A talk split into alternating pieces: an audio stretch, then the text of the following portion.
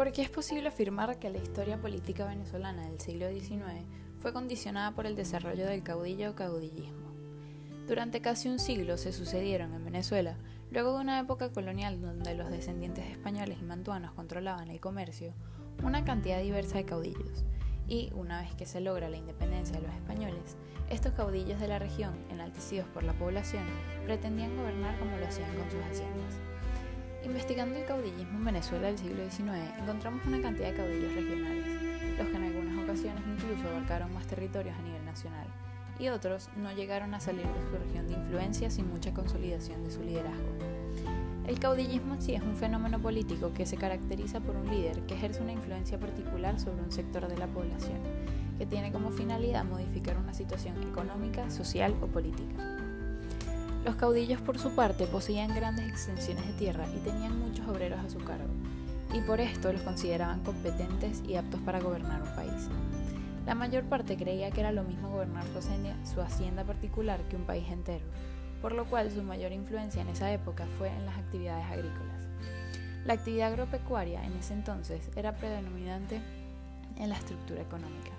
Existían miles de peones campesinos adeudados y desesperados, que los caudillos utilizaron para reclutar y apoyar sus movimientos políticos y así lograr desestabilizar el gobierno existente. La élite caudillista, haciendo referencia a la figura de un líder, organizaba a la gente y les ofrecía regalos, beneficios por ser sus seguidores. Muchos vivían de esto, se inclinaban ante el que pensaban que tenía más poder y con el triunfo les llegaba la ganancia. Luego de que termina la guerra de la independencia en 1824, los caudillos y seguidores forman facciones que se dividieron en bolivarianos, paesistas, santanderanos, federalistas u centralistas. Mientras que Páez, contrario a las ideas de Simón Bolívar, se convirtió en propietario, se unió a la oligarquía y traiciona a la clase social de donde originaba, siendo mestizo, indígena y canario, traiciona a quienes lo siguieron durante la guerra.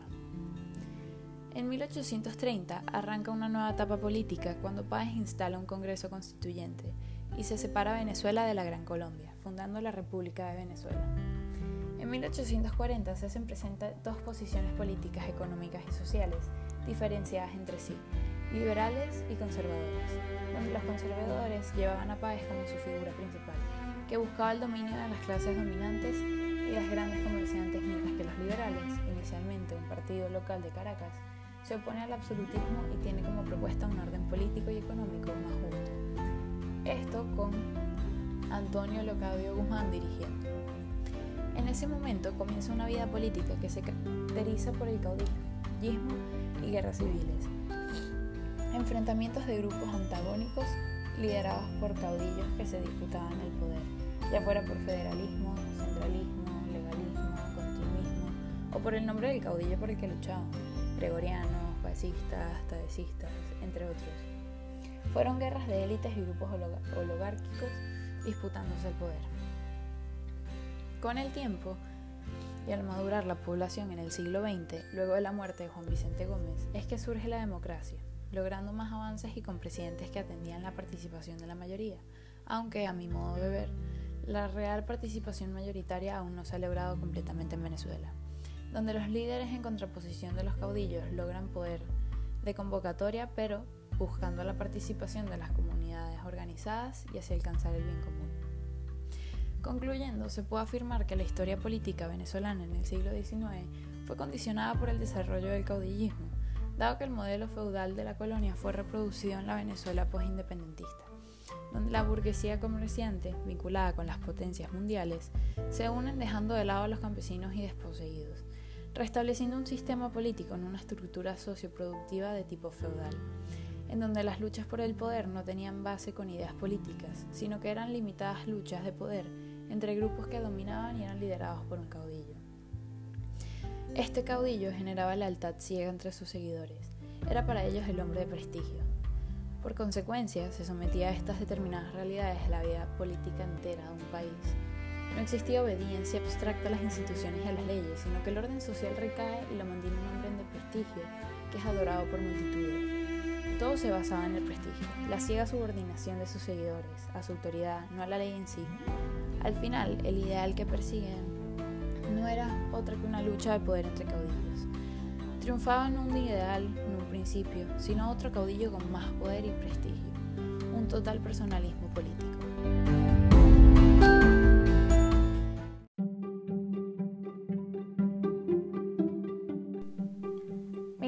1928, inicio del cambio y modernización venezolana. ¿Por qué?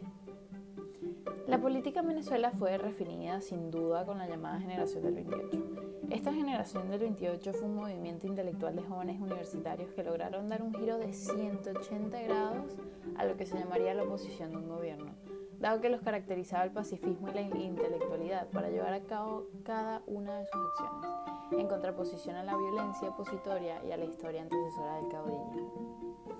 Este movimiento surge con el fin de impulsar un proceso de cambios en el sistema político de Venezuela. Hay algunos que incluso hablan de que estos jóvenes inventaron la política del país al realizar protestas en forma civilizada y lograr canalizar sus peticiones al gobierno de una manera pacífica, algo que era totalmente contrastante con la manera tradicional de hacer prisión política hasta ese momento. Esta generación del 28 fue clave en los procesos de modernización política, cultural y literaria de Venezuela Muchos de ellos que se alzan contra la dictadura de Juan Vicente Gómez eran escritores y líderes fundamentales de nuestra democracia moderna. Ellos contribuyen a forjar la democracia y una cultura de la modernidad desde sus acciones de calle y desde las formas y prácticas discursivas contestatarias que implementaron, como pueden ser panfletos, oratoria política, textos satirizados, poemas, relatos, entre otros. A pesar de que esta agrupación no tenía una uniformidad de criterios estéticos e ideológicos ni la misma formación, sus discursos innovadores y prácticas políticas y literarias lograron nuevos escenarios en la Venezuela del siglo XX. La despersonalización del poder y la lucha por la democracia, la implementación de nuevos discursos y prácticas culturales, así como la incorporación de conceptos nuevos de interpretación en lo que se refiere a las ciencias sociales, van a ser algunos de los logros más relevantes de esta generación del 28. Un grupo de jóvenes con mucho talento que se abre a búsquedas nuevas, creando expectativas que solo la modernidad democrática podía ofrecerles, haciéndoles frente a la dictadura del momento. El homenaje a una reina estudiantil, Beatriz I, en el Teatro Municipal, donde en primera instancia el movimiento tenía un carácter académico y de hecho fueron eventos que se realizaron por el Carnaval de 1928 para recaudar fondos y reactivar la, actividad cultural de la UCB y que sorpresivamente los lleva a ver el poder de la palabra de sus discursos. 1928 marca la formación de nuevos actores políticos, intelectuales y escritores que logran romper con formas viejas y caducas de hacer política y del pensar de un país. Ellos comienzan a forjar una conciencia de comunidad nacional y de un legado que se reinterpreta así como la lucha y el compromiso en la acción por transformaciones democráticas y modernas que el país requeriría. Estos jóvenes rebeldes de la generación del 28 lograron a través de sus discursos sobre arte, literatura y ciencias sociales hacerlos con el propósito de una conciencia nacional política de cambio, con una renovación del lenguaje y desde un incipiente de modernidad. En lo que respecta específicamente a las prácticas políticas, hubieron algunas figuras que lucharon contra la dictadura de Juan Vicente Gómez, las cuales generaron una conciencia democrática y nacional y hasta lograron alcanzar la presidencia de la República. Hablamos de Rómulo Betancourt y Raúl Leone, aunque fueron muchos los que participaron en estas acciones de protestas y luchas o en actividades conspirativas como ser Jovito Villalba, Pío Tamayo, Joaquín Gabaldón Márquez, Valmore Rodríguez, Guillermo Prince Lara, José Tomás Jiménez Arraíz, Juan José Palacios, Rafael Vegas, Juan Bautista Fuenmayor, solo por nombrar algunos.